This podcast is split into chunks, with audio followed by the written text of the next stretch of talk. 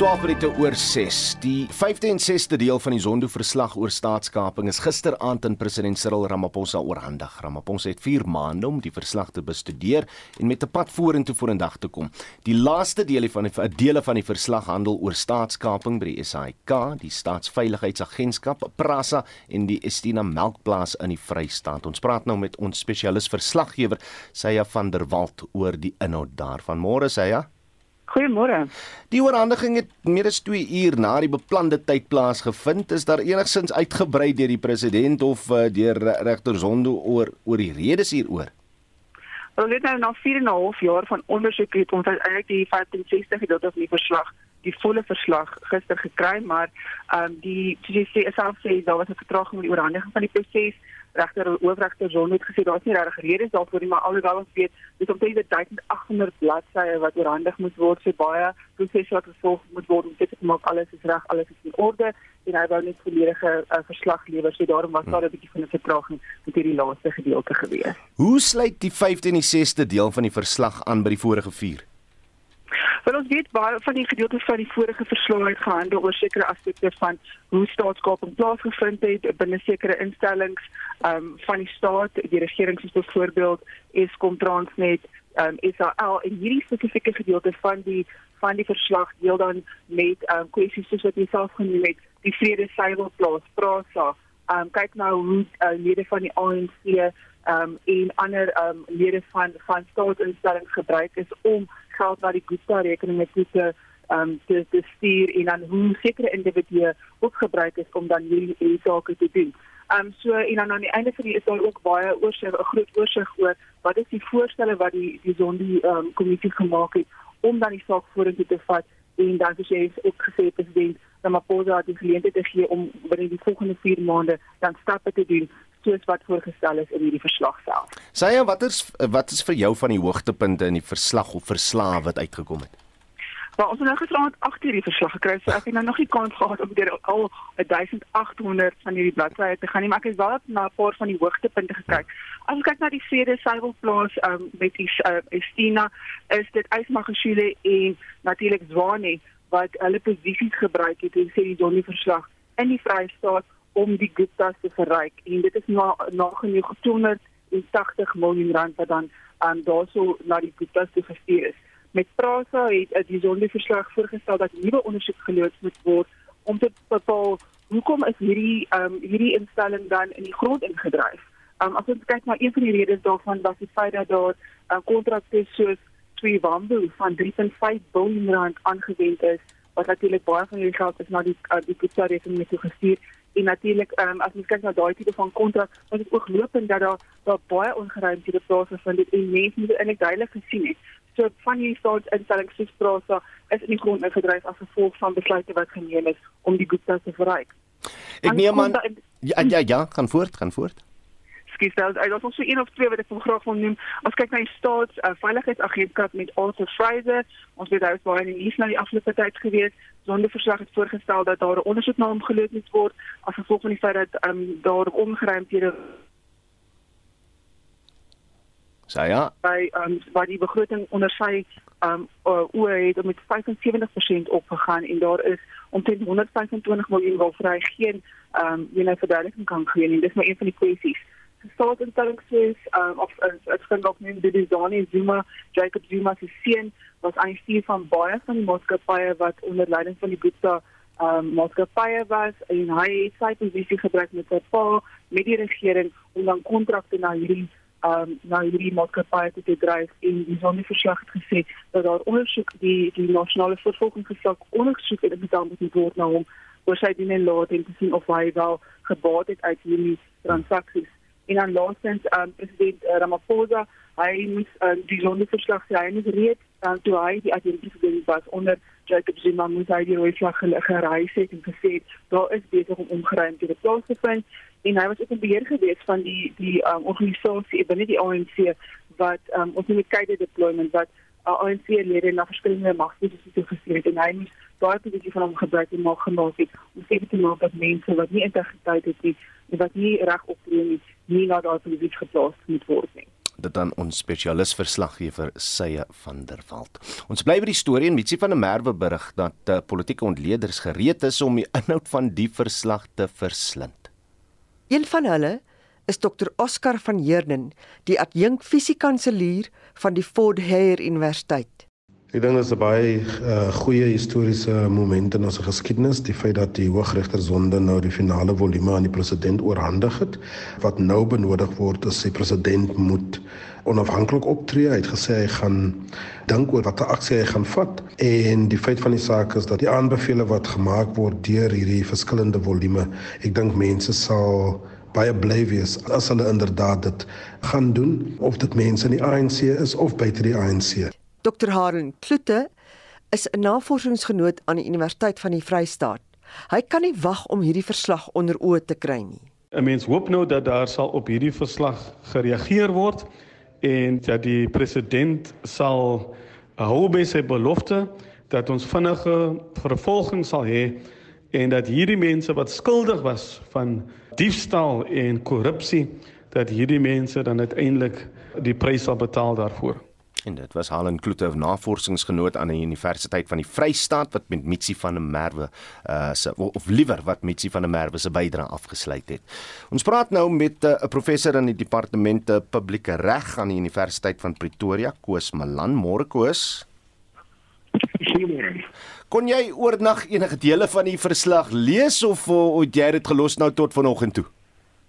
Nee, nee, ek het ek het gedink dit is maar waar mens vars is en, en behoorlik daarna kan kyk alhoewel mens natuurlik op hierdie stadium na die lang geskiedenis wat nou 'n sekere sin tot einde gekom het reeds in staat is om sinvol hierdie kommentaar te lewer. Absoluut. Uh, ons kan ons weet dan wat die wat die dokumente van die verslag en van die geskiedenis van die afgelope 4 jaar is.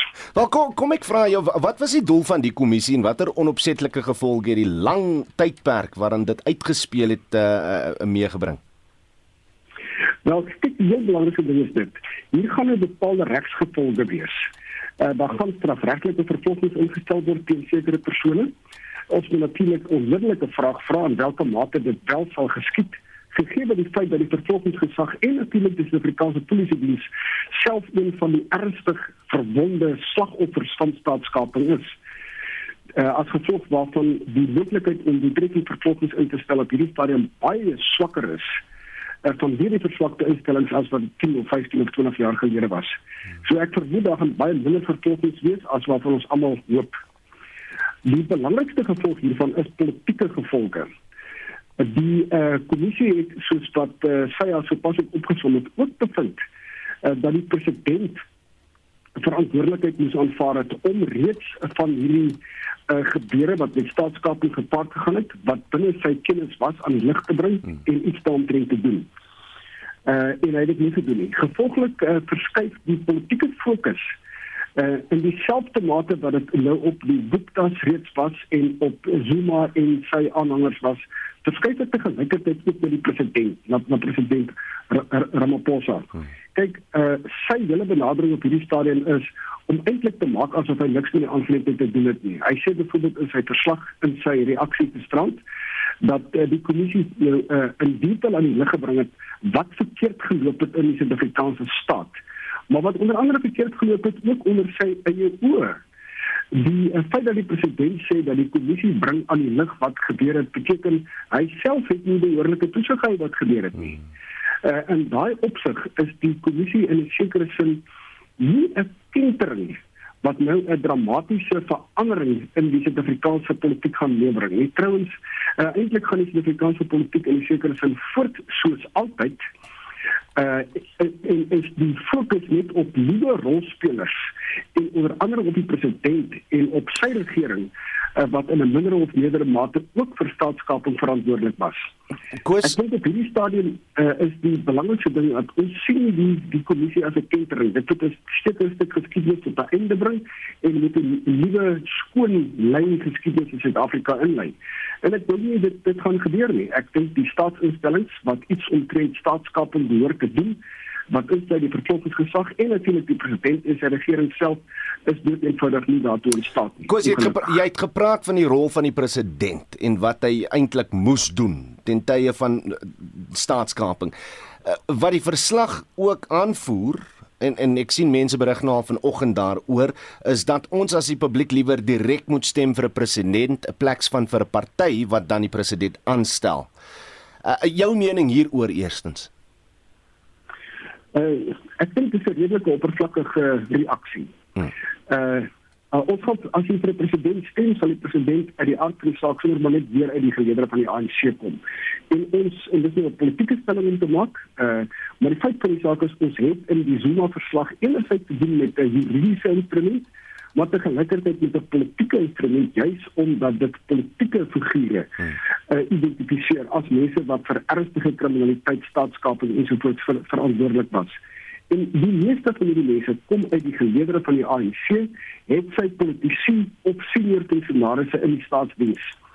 Uh met ander woorde, om die om die dode president te vervang, uh gaan nie die probleem oplos nie. Die, die president gaan steeds uit die ANC kom. Ons probleem is dat korrupsie, staatskaping en dergelike vorme van grondige misdadigheid het deel van die vesel van die Suid-Afrikaanse staat onder die ANC geword uh, wanneer jy uh, wanneer jy uh, die president vervang op sterkte daarvan dat hy regstreeks verkies word so sê maar in Frankryk of die Verenigde State van Amerika dan spreek jy een van die oppervlakkige simptome aan maar jy is nog nie by die kern van die saak nie. Die kern van die saak is dat daardie uh, misdadigheid is uh, ongelukkig en ek dink die getuienis van die sondekommissie wat voor die sondekommissie gelewer is 'n getuig oorweldigend daarvan uh, dat jy as jy as jy nog nie die ANC as regering uh, en sy funksionarisse binne die staatsdiens, want dit is eintlik wat hulle is nie werklik staatsamptenare en die ANC funksionarisse.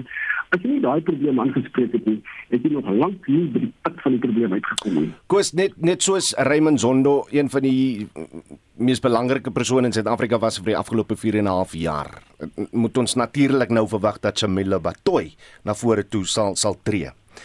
Wil jy want die president het nou 4 maande tyd om om dit te bestudeer en dan met die met die plan voor in dag te kom en en saam met ons uh, as Suid-Afrikaners te gesels daaroor. Wil jy sien dat die president veel nouer werk met die, Shamila Batoy in die volgende 4 maande of moet sy eenvoudig net haar werk doen? Kyk, uh die die president kan eintlik nie nou met haar saamwerk nie. Hmm. Want die vervolgingsgesag is veronderstel om uh om om om, om, om onafhanklike agentskap te wees los van die uitvoerende gesag, derhalwe ook los en onafhanklik van die president. En derhalwe moet daar eintlik 'n duidelike afstand wees en dan moet gesien word dat daar duidelike afstand is. Tussen die vervolgingsgesag en die begrip van Batoy en die president aan die ander kant. Wat Batoy betref, ek dink sy is 'n sy is 'n ernstige nood vir die eenvoudige rede dat sy 2, 3 jaar gelede toe sy aangestel is, reeds 'n erg gefolterde, erg verswakte instelling geërf het uh en sy gevolglik nie in staat is nie.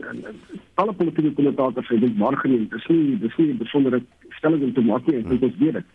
Alle kommentators merk op dat sy inderdaad nie uh in staat is. Dat die instelling nie in staat is om behoorlik vervolging te stel nie, juis om daar omdat daar so ernstige leemte aan aan kundigheid uh ontstaan het.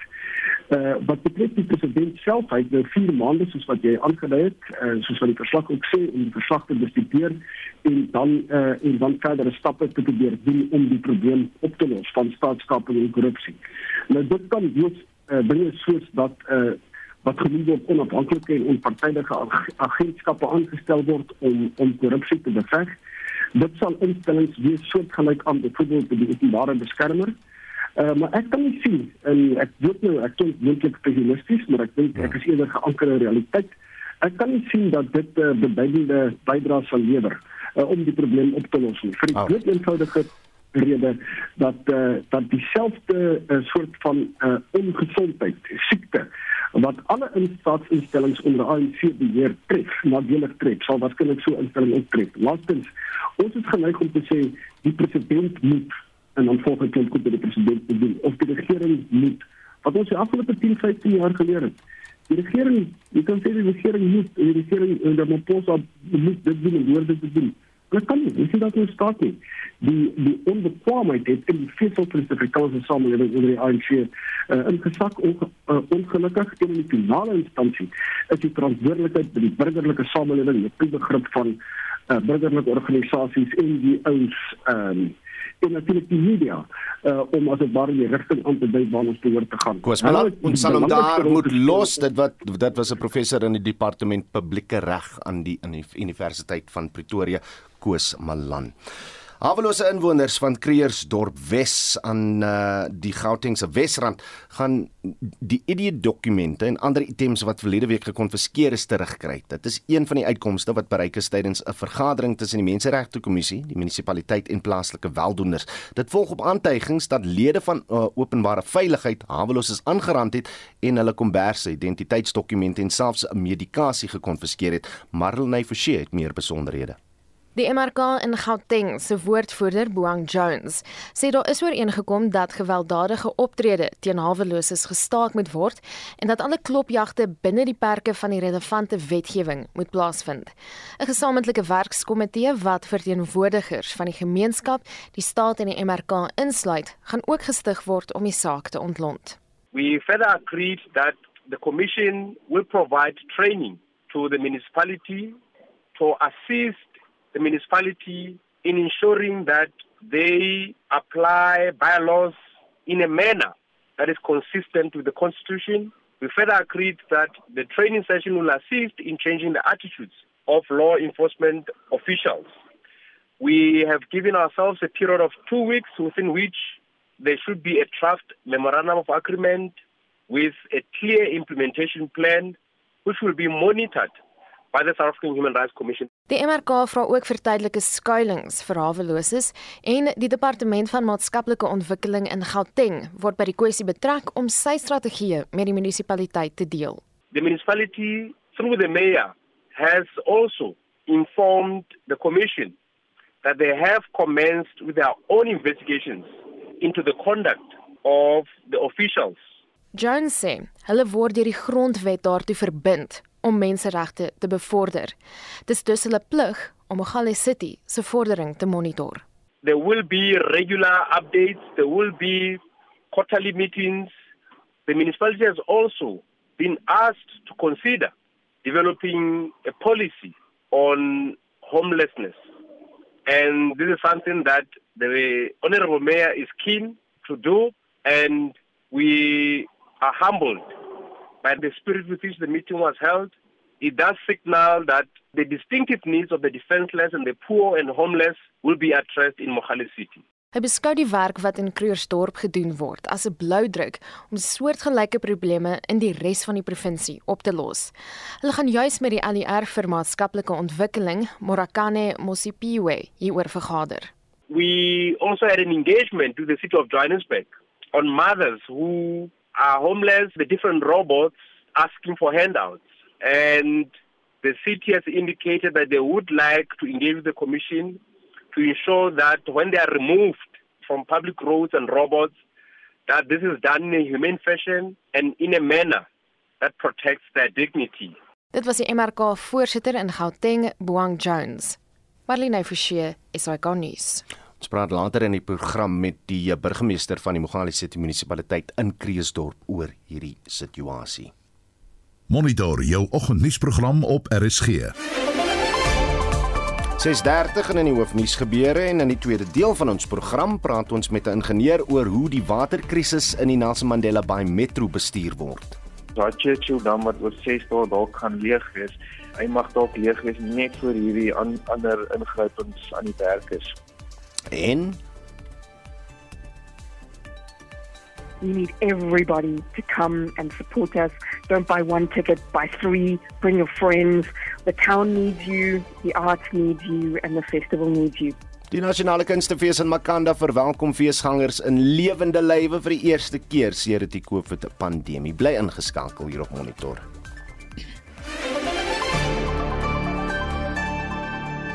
Daar is geen verkeer. In Gauteng is daar protesoptredes op Manoche en Mabalani strate in die Pidimapetla gebied in Soweto. Die pad word deur word deur klippe en brandende motorbande versper. Daar is padwerk op die N1 Suid na die Vleende Piering wisselaar en twee linkerbane is versper. Dan in KwaZulu-Natal staan daar 'n voertuig op die N3 Wes na Pieter Brown Rylaan en die linkerbaan is versper. En in Kaapstad is daar die ongelukstoneel op die R300 Noord na van Riebeekweg opgeruim en alle bane is oop. As jy enige verkeersnuus het, stuur 'n SMS na 45889 en dit sal jou R1.50 uit die sak jaag. En ons brandpunt vraag vanoggend Frans jou, hoe help jy die haweloses? Uh stuur gerus vir ons van jou boodskappe van die boodskappe wat reeds deurgekom het. Joan Retief sê ek gee bydraes en help met 'n pak van kospakkies by 'n organisasie wat versprei. My persoonlike beleid is om niks te gee vir bedelaars by verkeersligte nie, nie geld, kos, klere, vouchers of enigiets nie. Dit is gevaarlik en moedig die bedel kultuur aan. Chrissy van der Merwe sê ons kerk Gracehill span saam met City of Hope by City Hill uh, versprei kos en klere oor die groter Durban en in die omliggende binneland. Ons gee gereeld bydraes. Chris de Beer sê enige mens kan net so soveel doen. Mens kies een plek en help daar. En dan sê Juliana Foster Ellis, uh, ek help uh, ek help hulle en reik uit. Niemand wil die uh, ontbering van honger en koue ken nie. Dit is vreeslik. Help die mense. Dis beter om te gee as te ontvang. Stuur jou SMS na 45889. Dit kos jou R1.50 per boodskap. Praat saam op ons Monitor en Spectrum Facebook bladsy of stuur vir ons 'n WhatsApp stemnota na 076 536 6961. Nou tyd vir die jongste sportnuus en Shaun Jooste sluit by ons aan. Shaun, môre die FINA Wêreldkampioenskappe vind in Budapest plaas, Amerika. Hulle vaar uitstekend, maar wat van Suid-Afrika? Goeiemôre, ja, na 5 dae se aksie kon Suid-Afrika nog geen medaljes verower nie. In gisteraand se 200 meter wisselslag uh, finaal het Matthew Seitz agste geëindig en ons vroue waterpolospan het die maalskrap 7-6 teen Argentinië verloor. En die manspan kom vandag teen Spanje te staan. Op die cricketveld beoog Engeland om skoonskip in hulle toetsreeks teen Nieu-Seeland te maak. Uh, waar vind die toets plaas en is daar enige verrassings in die spanne? Dit is natuurlik die derde en laaste toets tussen Engeland en Nieu-Seeland en begin 12 uur op Headingley in Leeds. Die Engelse snelbowler James Anderson sukkel met 'n enkel besering en word deur Jamie Overton vervang. En Ken Williamson is terug om die besoekers aan te voer terwyl Devon Conway uitsit. Dit is weens COVID-19. Verlede week het die Amerikaanse golf ope spelers op die opstrede uh live, live golf reeks toegelaat om deel te neem. Ek sien dieselfde geld nou vir die 150ste ope kampioenskap in Skotland. Ja, organiseerders het gister aangekondig dat spelers wat reeds vir die kampioenskappe gekwalifiseer het, steeds aan die major kan deelneem. Dit is natuurlik die jaar se laaste major en staan op 14 Julie by St Andrews af ek het nog die mense in die wêreld het die geld nie, maar ek sien hier die kaartjie verkope vir die sokker wêreldbeker uh, dit woed steeds uh, dit op op 'n uh, fantastiese pas voort. Ja, die syfers was baie interessant geweest. Uh, ons het gister gesien dat 1.2 miljoen kaartjies vir die wêreldbeker toernooi reeds verkoop is en daar was nagenoeg 40 miljoen aansoeke. 2 miljoen kaartjies is vir toeskouers beskikbaar gestel en 'n verdere 1 miljoen vir FIFA personeel asook borgers en die uh, wêreldbeker skop op 21 November af. En dan laaste spelers van Rusland en Belarus uh, word natuurlik nou nie toegelaat om aan Wimbledon deel te neem hierdie jaar nie. Uh wat beteken dit vir spelers soos se wêreldnommer 1 Daniel Medvedev? Ja, Medvedev uh, is nou in aksie in Spanje, so ek men hulle kan nou nie van volgende week af aan Wimbledon deelneem nie. So is nou maar die laaste kans om die baan te verskyn vir die volgende paar weke.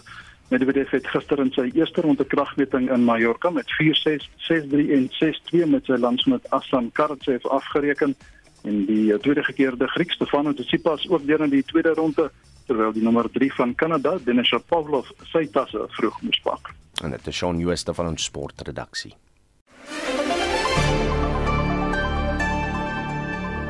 Marlene Forsie sluit nou by ons aan vir nuus uit die buitewêreld. Uh, die Taliban in Afghanistan vra vir internasionale ingryping nadat meer as 1000 mense gister dood is in 'n aardbewing. Marlene, uh, môre, die dodetal gaan seker na verwagting styg. Dis inderdaad so die aardbewing het die Paktika streek getref wat hoofsaaklik landelik is en verskoning. Toegang tot die gebied word bemoeilik deur swaar reënneerslae en 'n gebrek aan hulpbronne. Beeldmateriaal wat gedeel word toon modderhuise in Pine en die vrou het 19 familielede verloor. Seven in one room, five in the other, four in another, then three in another have all been killed in my family. I can't talk anymore. My heart is getting weak, she says. Nou die VN sê hy prioritiseer humanitêre bystand in die vorm van voedsel en tydelike behuising. Die land is egter een van die armstes ter wêreld na die oorneem van die Taliban en die leierskap word afgesluit met sanksies na 'n oorneem van die land verlede jaar en nou vra die Taliban vir hulp. We call on the international community to help because our country alone cannot handle this incident. We want the international community to start working with us at this time and to continue their cooperation. En dit was 'n woordvoerder vir die Taliban. Ons verskuif die aandag na die weste waar Oekraïne na verwagting vandag goedgekeur gaan word as kandidaat vir EU lidmaatskap in Brussel. Ja, die Europese Kommissie het die groen lig gegee. Nou Oekraïne het daarna die Russiese inval in die land aansoek gedoen en die proses is teen 'n rekordtyd afgehandel. Die Oekraïense ambassadeur Vesevol Chensov het aan die EU gesê dit sal 'n sielkundige hupstoot bied aan landsburgers, maar dat die integrasieproses eers volledig kan plaasvind wanneer die oorlog verby is. Maar word hulle spesiaal hanteer weens die oorlog in die land? we do not accept the idea of the queue and we need to take our place in this queue. You're basically saying if Ukraine jumps the queue, then so be it.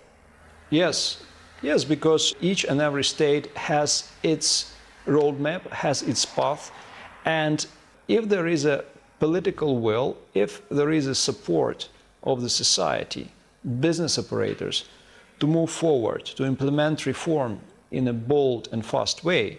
So why we should wait? En dit was die Oekraïense ambassadeur aan die VN, Vesevol Chensov, tydens 'n onderhoud met die BBC se Jessica Parker. Hmm, baie interessant. En dan laasens en ek uh, ag lede van die oorlede sokkerster Diego Maradona se gesondheidsorgspan kom te staan teen strafregtelike aanklagte na sy dood. Dit sluit sy gesinsdokter, twee verpleegsters en sy sielkundige in. Nou, die sportlegende is dood aan 'n hartaanval nadat hy 'n breinoperasie ondergaan het om 'n bloedklont te laat verwyder. Dit is onduidelik wanneer die agste verhoor nou gaan plaasvind, maar indien hulle skuldig bevind word aan mediese nalatigheid, kan hulle tot 8 jaar lank tronkstraf gefonnis word. Ah, oh, dit was Marlenae Forsie met 'n wêreldnuus oorsig. Terug op eie bodem en die uitbreking van back and closure duur voort in van die land se provinsies. Volgens die Departement van Landbou, Grondhervorming en Landelike Ontwikkeling is daar egter vordering gemaak in Gauteng en die Vrystaat. Die departement se woordvoerder, Reggie Ngobo, het die besonderhede. The outbreaks that had spread to an auction and three farms in Free State and Gauteng provinces were successfully controlled and the farms were cleared of affected animals. These cases will be officially closed as soon as disinfection processes as well as surveillance has been concluded. In KwaZulu-Natal lyk die prentjie egter anders. The outbreaks of FMT in KwaZulu-Natal are still ongoing with new cases identified in the past 2 weeks. This brings the total number of affected deep tanks to 66 since the start of the outbreak in May 2021 in the district municipalities of Zululand, Mkhanyakude, King Cetshwayo, Ilembe and eThekwini. Nkobu sê inentingsveldtogte in KwaZulu-Natal vorder goed, maar daar is kommer oor back and closure in die Gloetloe Mfolozi Park. More than 190,000 animals were vaccinated since the start of the vaccination campaign in mid-March. Buffaloes with antibodies against FMD were identified in Hluhluwe, Umfolozi Park in KZN. This is serious challenge since the buffalo becomes the permanent carriers of the disease without showing clinical signs. The department held a meeting with Ezemvelo KZN Wildlife and discussed options in order to determine the best way forward. The park is undergoing serological surveillance to determine the status of the rest of the buffaloes. 'n Toename in gevalle van back and closure is die afgelope paar dae in Noordwes aangemeld. The outbreaks in the Northwest province have increased to 14 in the past 2 weeks. All affected properties and adjacent premises have remained under quarantine since the start of the event. Carefully on the affected properties in the Northwest province are being vaccinated to decrease the viral load and these properties will be depopulated in a controlled manner as soon as practical routes to do so have been identified. Nkobo sê in Limpopo is daar ook brandpunte wat noukeurig gemonitor word. A total of 8 positive locations were identified in the two Lamela area since the disease was found in April 2022. Further surveillance of deep tanks and farms in disease management area is continuing with the first round of vaccination in the area having completed at the end of May. The outbreaks in KZN and Limpopo province are present in areas where it is difficult to enforce individual farm quarantine. Therefore, disease management area were declared in both areas. A movement control protocol is available to guide movement of cloven hoofed animals and their product out of and within die DMA's. Dit was die woordvoerder vir die Departement van Landbou, Grondhervorming en Landelike Ontwikkeling, Regine Kobu. Ek is Jean Marie Verhoef vir SAK nuus. Ons praat vanoggend oor haweloses en wat julle doen om haweloses te help. En dit nadat hawelose inwoners van Kreersdorp Wes aan die eh, Gauteng se Wesrand uh, nou verwittig is dat hulle hulle ID-dokumente en ander items wat verlede week gekonfiskeer is by hulle terug gaan kry. Uh, dit was een van die uitkomste wat bereik is tydens 'n vergadering tussen die Menseregte Kommissie, die munisipaliteit en plaaslike weldoeners. Ons het net voor uh die nuus vanoggend vir julle gesê dat ons wel met die burgemeester van Mogale City munisipaliteit in Kreeusdorp, Tyrone Grey gaan gesels. Ons het bevestig dat ons dit gaan doen, maar ek sien hy's nou nie aan ons vanoggend beskikbaar nie. As ons hom in die hande kan kry voor 7, sal ons wel die gesprek voer met hom om uit te vind net presies wat gaan gebeur met hierdie mense wat wel goed gekonfiskeer het as gevolg van die vergadering wat nou besluit het hierdie items gaan terug besorg word aan die haweloses in daai gebied. Nou die Noordwes Departement van Landbou en Landelike Ontwikkeling het onlangs 'n groep boere opgelei in aartappelproduksie, dit om bestaans- en kleinboere in die provinsie te bemagtig. Die departement het hulpbronne soos aartappelsaad, kunsmis en chemikalieë geskenk en die opleiding is deur die Landbou Navorsingsraad verskaf. Volgens die ALR vir Landbou en Landelike Ontwikkeling, Despo Mohono, is die soort opleiding noodsaaklik om voedselsekerheid in die provinsie te verseker. Winsie Mofokeng doen verslag. Aardappelproduksie is een van die duurste ondernemings in die landbousektor. En slegs 1% van die land se totale aardappelproduksie word deur swart boere geproduseer. Tydens die provinsiale aardappeloesdagfunksie wat verlede Woensdag in Ramatlabama gehou is, het Mogono boere geloof vir die voltooiing van hul opleiding. The journey we started with ARC in 2019 is yielding the result today. The first 10 cohort of the potato farmers were harvesting. And we are proud as a province that when you look at the potato that they have harvested and the tons that they have produced, normally under normal circumstances, they will tell you the professionals from ARC that when they are the new entrant, you are expecting around 12 tons per hectare. But the farmers of Northwest have overdone themselves because the highest is 44 tons uh, per hektaar. Een van die begunstigdes, Tumi Klabi, sê sy is baie trots om deel te wees van die projek. Sy sê sy geniet die uitdagings in 'n bedryf wat hoofsaaklik uit mans bestaan. Ja, yeah, yo, it's It's challenging. It's not easy because it's mostly male dominated. That's the first thing. The second one would be it's beautiful in a sense that I get to get assistance in ways that I never imagined. It's a business. It has its good, bad, and ugly, and beautiful. Klabi het haar boerdery gediversifiseer en sy sê dis tyd dat jong boere die bedryf betree. Currently harvesting potatoes. I intensify leafy greens in winter because most farmers don't plant spinach, your kale, and so on. I also have cattle, chicken, goats, sheep, and ducks in my farm.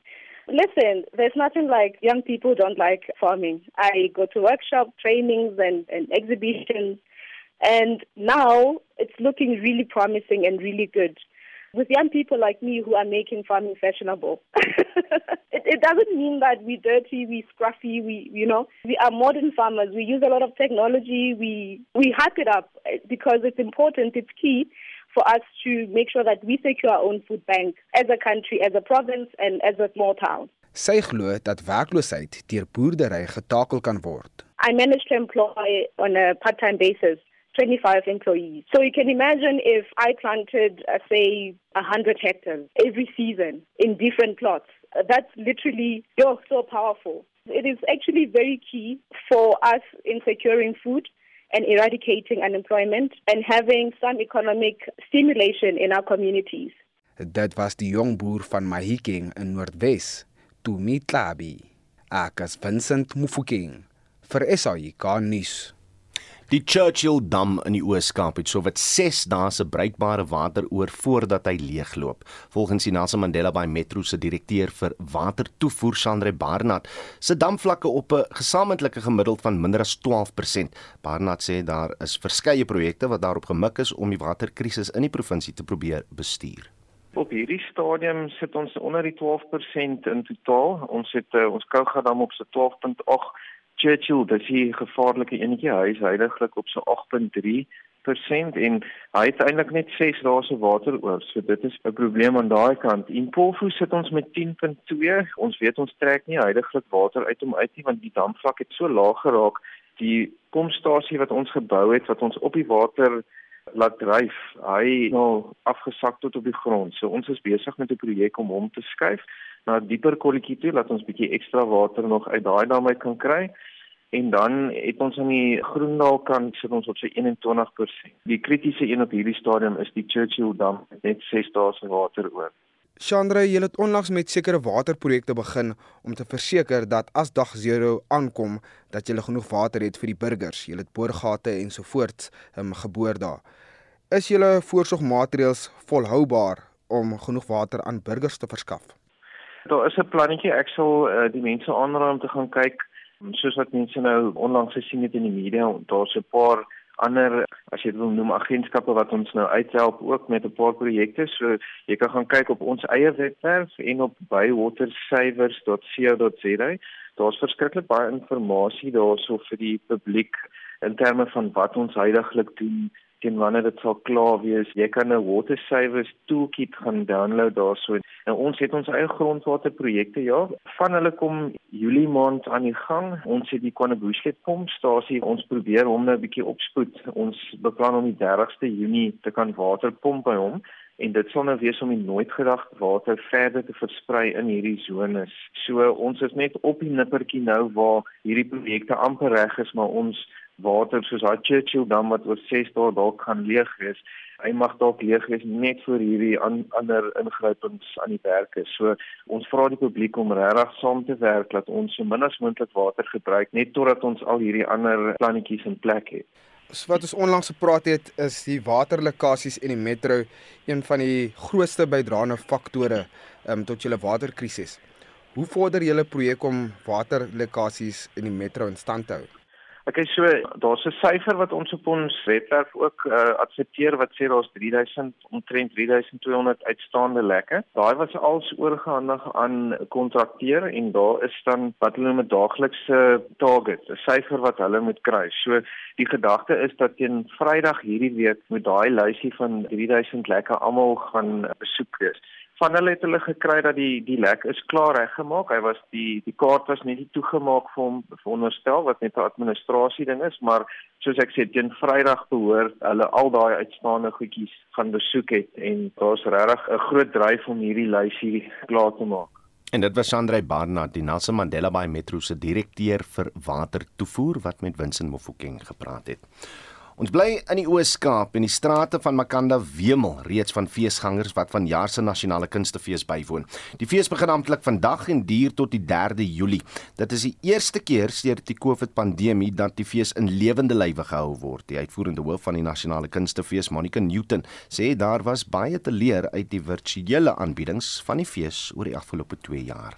We went online in 2020 and 2021, and those were incredible learning experiences for innovation and creation in new and interesting ways. But of course, we love live audiences, and so we are live in Makanda in 2022. Newton beskryf vanjaar se kunstefees as 'n wedergeboorte. It feels as though we're doing things for the first time. It very much feels as though it's a reawakening. It's a rebirth. We're rebuilding the National Arts Festival. We're going to be meeting audiences who have survived a pandemic. We're working with artists who've gone through the most incredible hardship. So it really is about finding ourselves again. So it's a voyage of discovery and exploration and as always experience. Die Kunstefees bied 'n verskeidenheid produksies en Newton sê daar is iets vir almal. Vanjaar is daar selfs sirkusvertonings. Zip Zap Circus joins us from Cape Town, and we have Daniel Buckland's Urban Circus. And I've never seen circus at the National Arts Festival, so I'm really, really excited to see those productions. Selo Make Kanube is bringing Bloke and his American Bantu to the stage, and we're really, really excited to see that work, of course, written by Spiegel Mahala. There is a fantastic production of Hamlet with puppets coming this year. So there's so much to see and do as always. A very big comedy show, lots of laughter, and we're really proud to be able to offer the diversity that we have. Die fees word midde 'n pandemie gehou en Newton sê alle nodige maatreëls sal toegepas word. Well, we're operating at 50% capacity with mask wearing and sanitizing and distancing because those are the current regulations. And of course, a bit of a curveball for us this year from Rhodes University requiring us to implement a vaccine mandate in their venues. But we are the festival. Of course, we will cope. We set up a rapid testing site. So anybody who doesn't necessarily have a vaccination certificate can pop in and very quickly, two minutes later, have the necessary test results to go in and enjoy the productions on Rhodes campus. We would be tone deaf if we didn't adopt measures to protect ourselves, our audiences, and of course, our incredibly important artists and crew as well. daarmee saam die volgende uitnodiging. It's a time of change and growth, and what we hope is a re emergence of the live arts. We need everybody to come and support us. Don't buy one ticket, buy three, bring your friends. The town needs you, the arts needs you, and the festival needs you. Dit was die uitvoerende hoof van die Nasionale Kunstefees, Monica Newton. Ek is Joan Marie Verhoef vir SAK nuus. Griekwas ondersteuners is optimisties optimisties dat Kimberley die tuiste sal wees vir die Kaling Karibeker. Die Griekwas sal, Saterdag gasheer speel vir die Pumas by die eh, Windhoek Draft Park in Kimberley in 'n geskiedkundige Karibeker finaal. Die Pau Bloues het laas die gesogte trofee in 1970 gewen terwyl die manne van Bombela in hulle eerste finaal ooit sal speel. Reginald Witboy het die storie vir ons. Dit was in 1970 toe spelers soos onder andere Manikis Roo en Tos Smith die Currybeker vir die Griekwas verseker het. Die flank Piet Smith het 'n laatstrafskop aangeteken en 'n naalbyter van 11-9 oor die magtige Noord-Transvaalse span op die De Beer Stadion in Kimberley verseker. Die volgende 52 jaar was 'n droë tydperk vir die manne van Kimberley. Maar met nog 'n verrassende sege oor die Pretoriaaners in verlede week se halfeindstryd kan die Currybeker dalk tog in Kimberley pronk. Die Griekwas se hoofuitvoerende beampte is Arnie van Rooyen. Die hele bestuur en ek ek dink die hele Griekwas wat insluit die Noord-Kaap, mense in ander stede in Suid-Afrika, almal wat vir Griekwas ondersteun is besonder trots op die span en op die afrigters en ek en alles wat om Griekwas gebeur. Ek dink dit is dit is regtig iets om om trots te wees. Pieter Berg is in 2014 aangestel as hulpafrigter van die Griekwas. Verlede jaar het hy die leiersels oorgeneem met deursettingsvermoë en die hulp van bestuur, hulpafrigters en natuurlik die spelers het hulle na die eindstryd deurgedring. Hoofafrigter Pieter Berg verduidelik. Ek het baie dinge geleer toe ek hulpafrigter was hier. Ek was 7 jaar hulpafrigter. Ek het saam met vier verskillende hoofafrigters gewerk. So jy leer wat werk en jy leer ook wat wat nie werk nie. En jy kry jou eie resep, jy, jy volgens jou filosofie hoe, hoe ek dink oor rugby en my filosofie en en dan probeer jy dit bymekaar sit en en jy probeer jy omring met die regte mense. Ek dink dit is wat ons reg gekry het hierdie jaar, is 'n uitstekende afrigtingspan wat almal saamwerk, wat almal vriende is, wat goed oor die weg kom. Die span het die Bloubulle verlede Vrydag met 30-19 op Loftus Versveld geklop. Die Griekwas Reinhard Jonker en Eddie Davids brei uit. was obviously vir ons 'n doel gewees om die Currie Cup te wen op die einde van die jaar, maar om te imagine dat dit is by 'n veld soos die Griek was, is baie exciting times en vir klein unies soos ons beteken dit baie en ons ons sien baie uit vir die naweek. Ek is baie opgewonde. Soos jy sê, is amper 60 jaar, 52 jaar wat die laaste finaal gewas het hier in Kimberley so. Ek is baie opgewonde en ek kan nie wag om Saterdag daar uit te kom en bietjie net uit te gaan en onsself te gaan geniet. He. Kaartjieverkope het Dinsdag geopen en was binne enkele ure uitverkoop. Alhoewel die span verwag om 'n tye-wedstryd te hê, is hulle ondersteuners optimisties. Ons is baie baie opgewonde. Ons hoop die ouens kan hom deurraak. Ek dink hulle het die span om dit te doen en uh vir die tweede keer in die geskiedenis as ons kan deurraak, maak ons weer geskiedenis. It's a, such a, a great feeling after such a long time. Uh, I will encourage all the rugby lovers to come and watch the historical moment. Dis 'n uh, besonderse voorreg. Ek dink is die beste ding wat kan ooit gebeur het. Na al die moeilike tye wat ons gehad het met uh, COVID wat 3 jaar gelede vir ons geslaan het. Agt spelers is op die krikkelys en daar word geen groot veranderings aan die span verwag nie. Met die vier groot unies nou uit die wedloop, gaan die titel vir een van die twee sogenaamde buiteperde beskore wees. Gaan die beker hier in Kimberley bly waar die Griekwas dit laas in 1970 gewen het of gaan die Pumas dit Mbombela toe vat? Aanhangers wag in spanning vir die wedstryd om Saterdagmiddag 3 uur in Kimberley te begin. Ek is Reginald Witboy in Kimberley. Kom ons sluit af met van julle terugvoer en ons brandpunt vraag vanoggend vra ons hoe help jy ons haweloses? Wat gee jy? Hoe kan jy gee en is 'n organisasie met wie jy werk? Uh Lori Grywenstein sê my kerk het 'n ondersteuningsprojek wat ek ondersteun. Hulle fokus is op spesifieke probleemareas. Haweloses moet ongelukkig deel raak van georganiseerde hulp. So word probleme betekenisvol aangespreek. Engela sê uh, as jy nie 'n bydrae kan gee in watter manier ook al nie sluit by 'n organisasie aan en gee jou tyd. Ek weet as uh, talle van julle wat ons reeds stemnotas gestuur het hieroor, dit sal beslis vanmiddag op Spectrum en, en later vandag op Brandpunt speel. Stuur gerus nog van julle SMS'e 45889, dit kos jou R1.50 per boodskap of uh, stemnotas na 0765366961.